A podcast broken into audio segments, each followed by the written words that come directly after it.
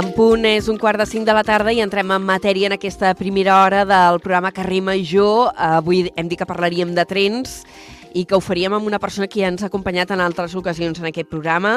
És l'Eugeni Sedano, ell és el portaveu de la plataforma Mercaderies eh, per l'interior i el tenim als estudis de Ràdio Ciutat de Tarragona. Senyor Sedano, bona tarda, benvingut. Bona tarda i moltes gràcies, Anna, per convidar-nos.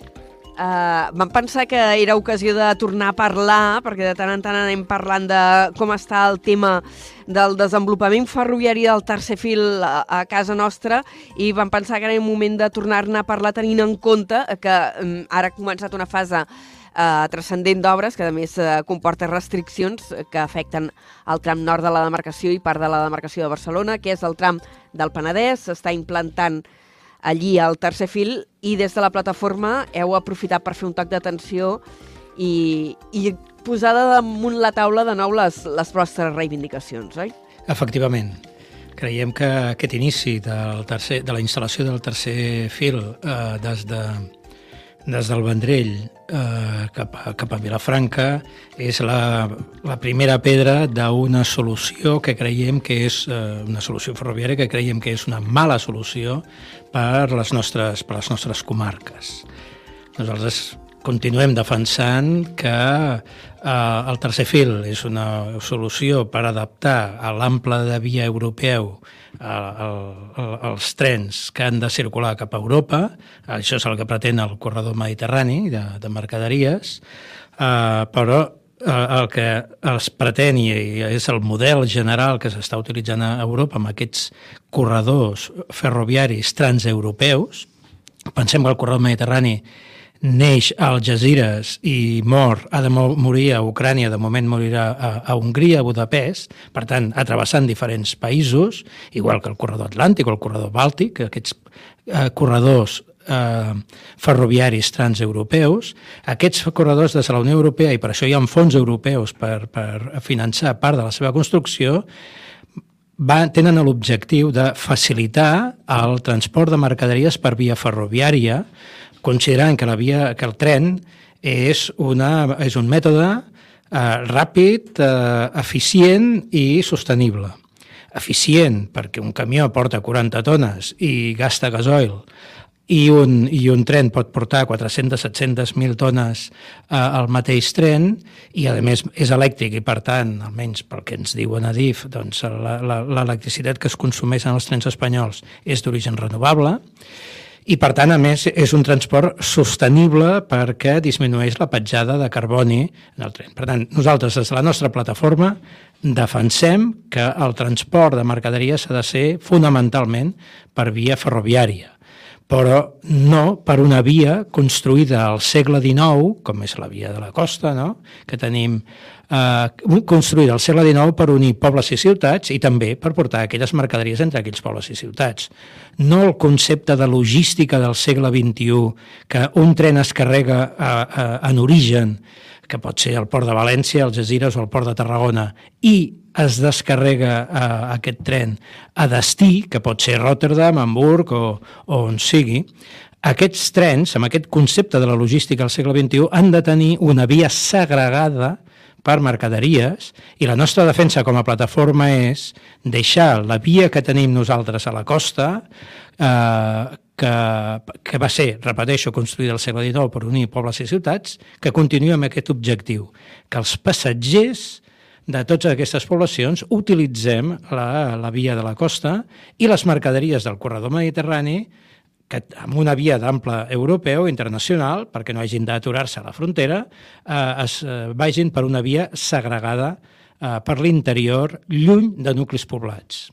Uh, la vostra proposta mm, ja l'heu uh, expressat públicament en moltes ocasions i, de fet, fins i tot vau fer uh, un plantejament de, de traçat uh, que passi circunvalant Reus i Constantí, allunyat dels nuclis uh, més poblats i que també circularia en part en paral·lel a les línies de l'AVE eh, per enllaçar després amb, amb, la, amb la línia d'ample internacional eh, passat ja al Vendrell.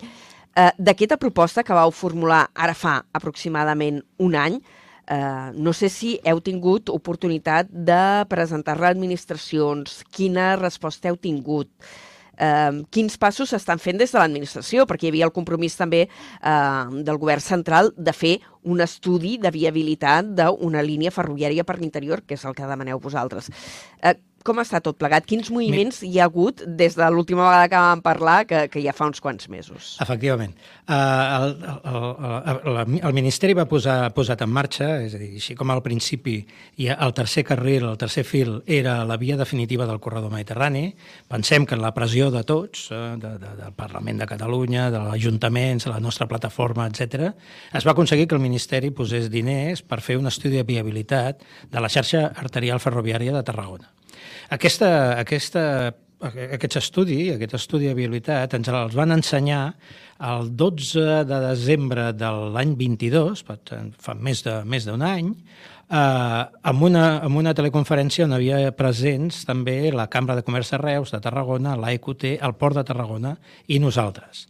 Les solucions que ens presentaven en aquell moment era alliberaven, diguem, la ciutat de Tarragona i la costa d'Altafulla, Torredembarra, etc de, de trens, però el, els feien passar eh, per Reus, els feien passar per Valls, els feien passar tots pel Vendrell, etc.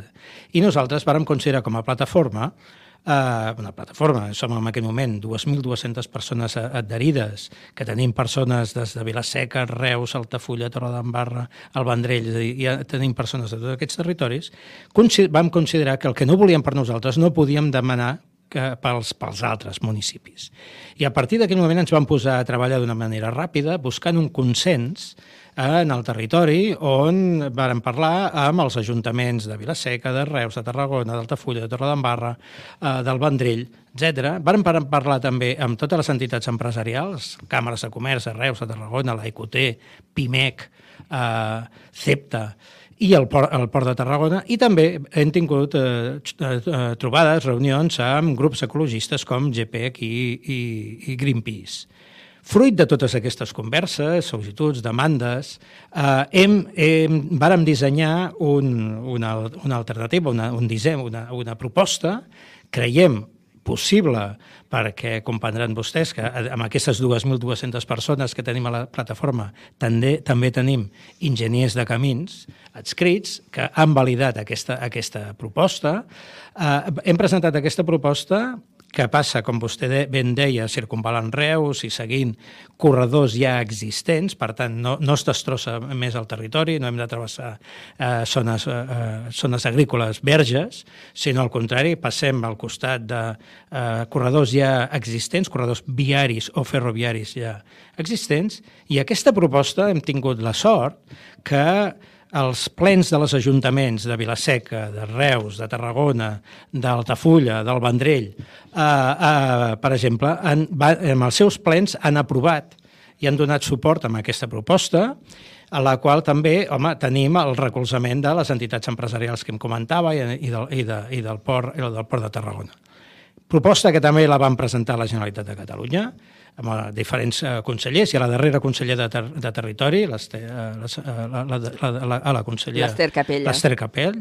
Uh, també amb una reunió que vam tenir aquí, on hi havia també el secretari general de, de Territori, el, el delegat de Tarragona de la Generalitat i, i el propi director dels serveis territorials aquí a Tarragona, de, de la Generalitat, també ho varen presentar i ens van dir que ho, ho, ens donarien recolzament i, de fet, eh, eh, va manifestar allà davant, amb el seu equip, la consellera va manifestar davant del seu equip, que incorporessin aquest tema amb l'ordre del dia per tractar amb el Ministeri de Transportes, on s'havia de tractar tot el tema del traspàs de Rodalies, doncs ella mateixa va dir que s'afegís també aquest, eh, aquest, aquest punt sobre el transport ferroviari de mercaderies, és a dir, el corredor mediterrani per l'àrea de Tarragona. Vull dir això que tenim el consens i el suport de les autoritats locals, eh, tenim el consens i el suport també del Parlament de Catalunya, que hem fet ja tres compareixences en la Comissió de Territori del Parlament de Catalunya i en les tres ens han donat recolzament i suport, i també tenim el, el, el suport de la Generalitat de Catalunya. Ara, ara bé, la entitat, l'organisme responsable és el Ministeri de Transportes, el MITMA, el Ministeri de Transportes, sí.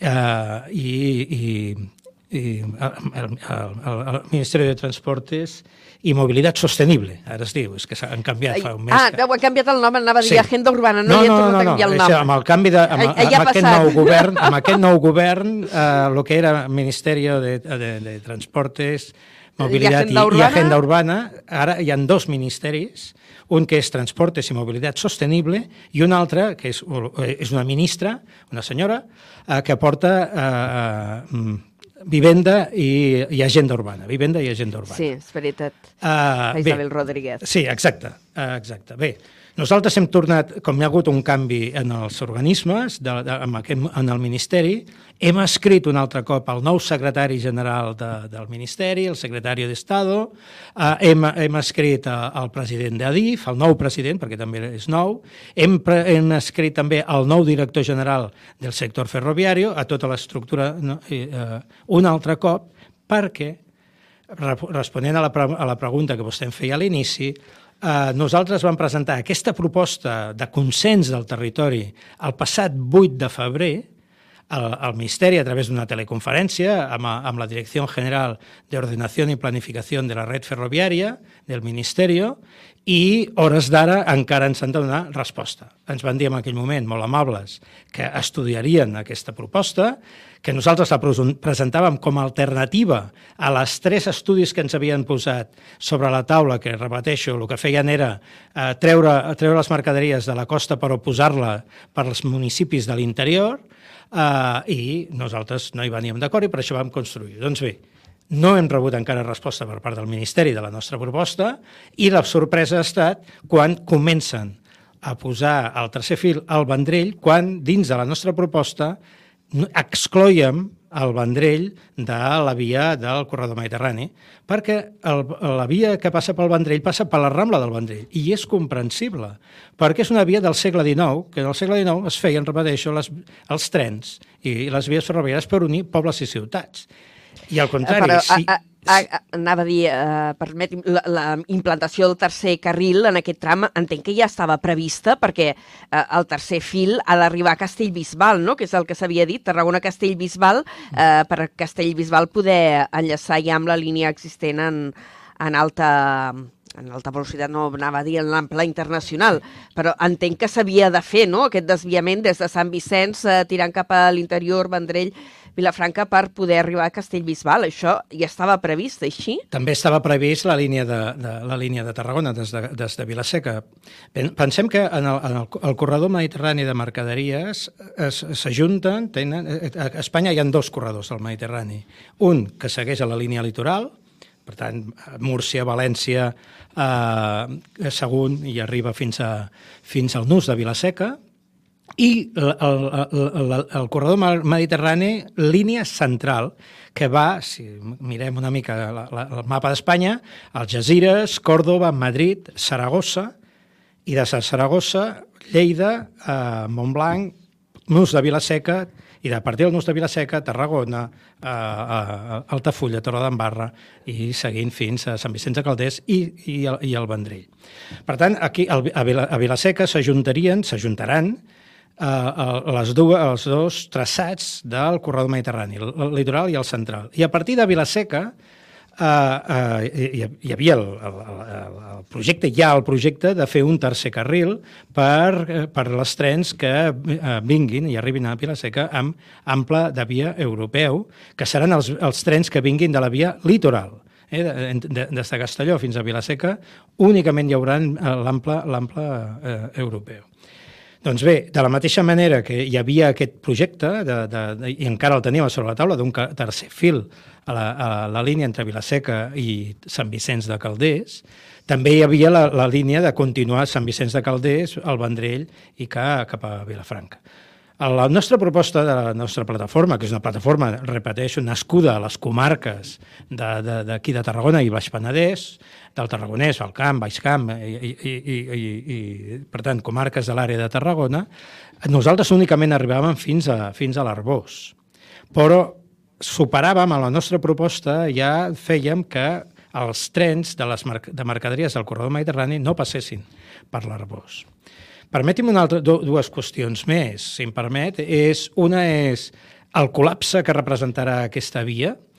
pensi que per aquesta via, repeteixo, del segle XIX eh, hauran de passar trens de rodalies, i amb aquesta voluntat que ja manifesta i que ja ha manifestat la Generalitat d'incrementar el transport eh, de rodalies, de fet, l'any 2030 el senyor Pere Macias deia doncs, d'arribar a un increment important, gairebé un increment del 50% de, de, de, en, el, en el transport de, de rodalies, trens de passatgers de mitja distància, passaran totes per la mateixa via, més trens de mercaderies d'ample ibèric i trens de mercaderies d'ample europeu. Tot per aquesta via de la costa del segle XIX.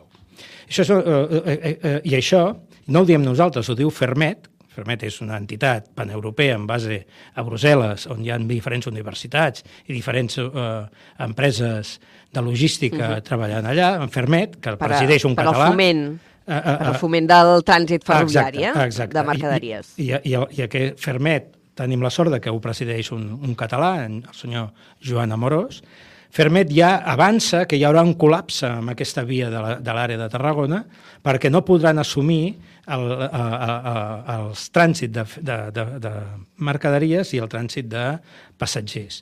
Permeti'm dir, a més, a més que el trànsit de, de mercaderies s'incrementarà s'ha d'incrementar d'una manera substancial perquè a Espanya el transport, el transport, de, ferro, el transport de mercaderies, un 4% és per via ferroviària i el 96% és per via de, per la carretera, per camions.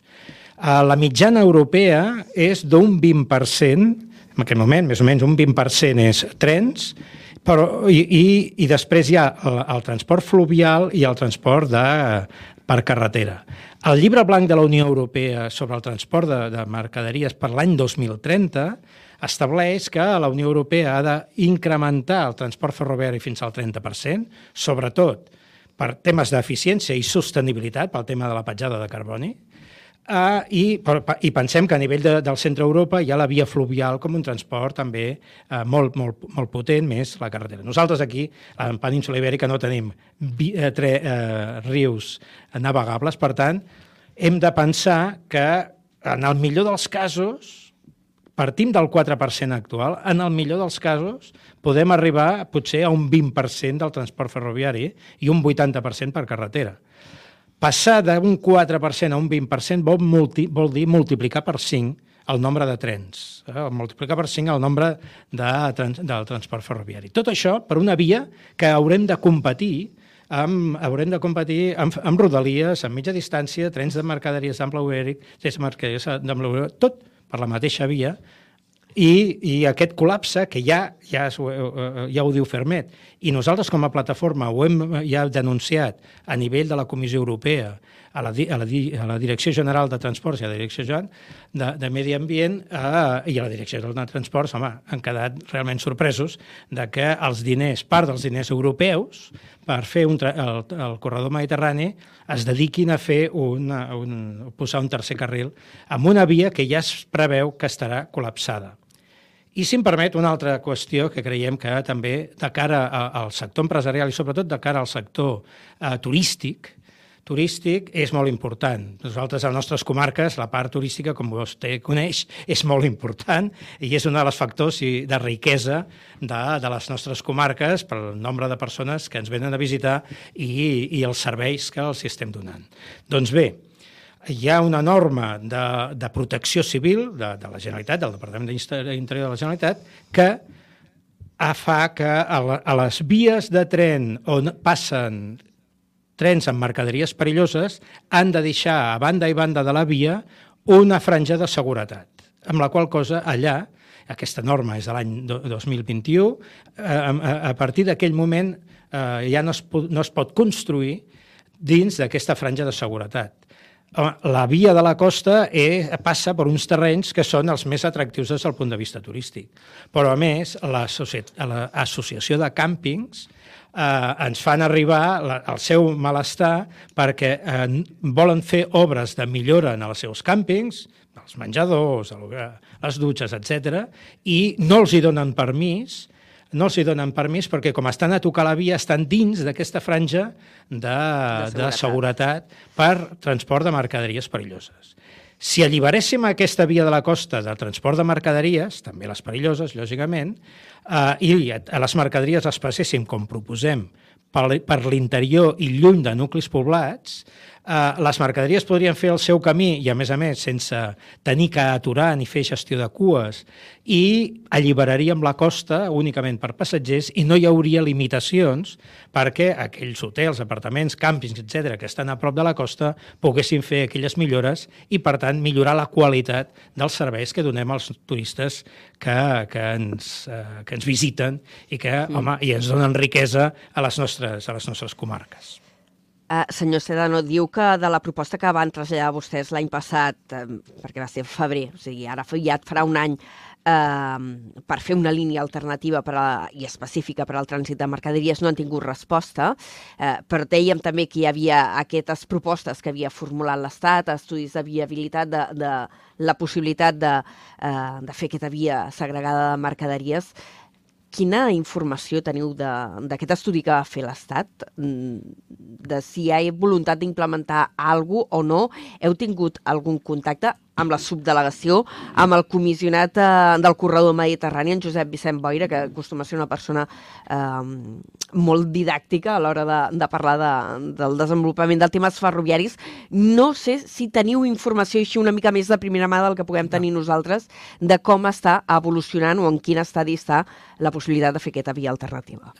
Repeteixo, el 12 de desembre de l'any 22 ens van ensenyar la, les, les, les tres propostes, és a dir, la, la, la, I des de llavors res? L'empresa adjudicatària de, del, de, del Ministeri que va fer aquesta, aquest, pla, aquest estudi de viabilitat va presentar un pla, uns plans funcionals, uns dissenys funcionals, eh, de tres, tres alternatives. No? Passant per Reus, una de les alternatives pujava a Picamoixons i després baixava per Valls, eh, totes passaven per, pel Vendrell, perquè arribaven totes a, a, a través de, de la línia Reus-Roda, una línia que, com sap vostè, alguns, eh, alguns alcaldes doncs, estan reclamant que, que es transformi en una via verda.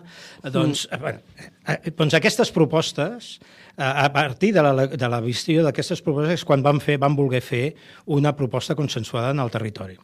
Repetir, això ho van presentar al, al Ministeri el 8 de febrer del, del, de l'any passat, de l'any 23, ens van dir que ho estudiarien i que ens donarien resposta. Uh, quan reclamàvem que si ens podien donar resposta, una, una, una vegada ens van contestar que com hi haurien les eleccions municipals del mes de maig, que no volien que la proposta de, de, del traçat ferroviari que proposava el Ministeri pogués tenir una, una, una, intromissió, una intromissió amb els debats electorals de, de, de, de, de les eleccions municipals.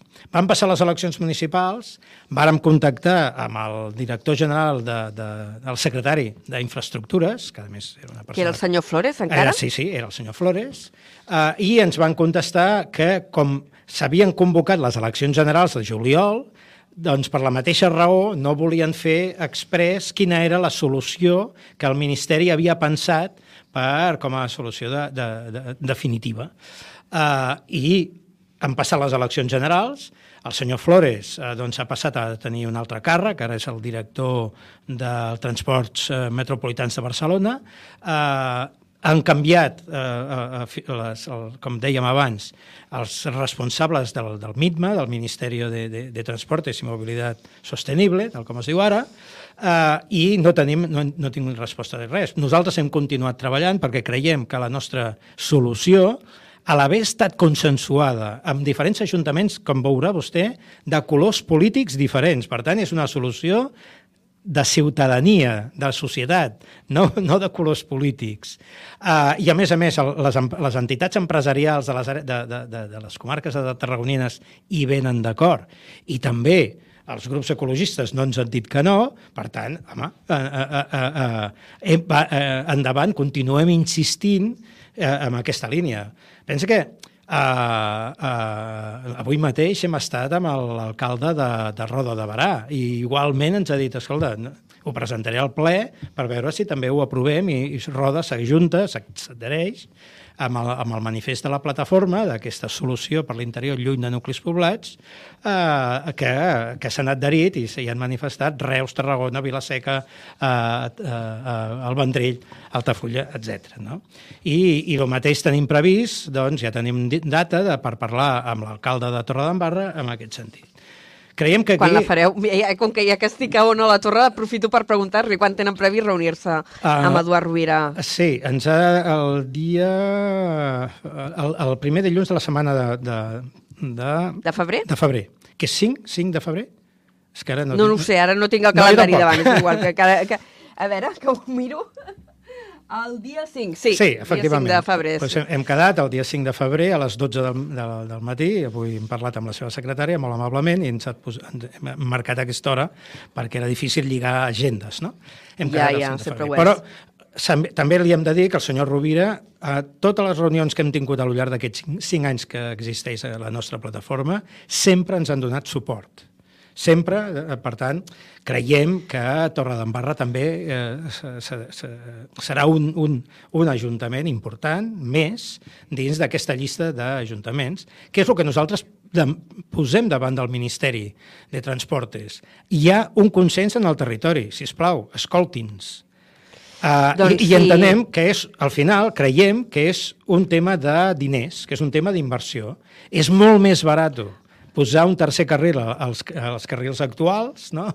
que no fer una via nova, una via segregada nova, i per més que part d'aquests diners provenen d'Europa, eh, creiem que la solució eh, passa per tenir una via segregada de mercaderies que allunyi totes les mercaderies eh, de, de les poblacions de, de la costa i deixi la, la via actual pels passatgers qual cosa tindríem un transport de rodalies i de mitja distància àgil, ràpid uh, uh, i sense haver d'esperar de, trens de, de, de mercaderies.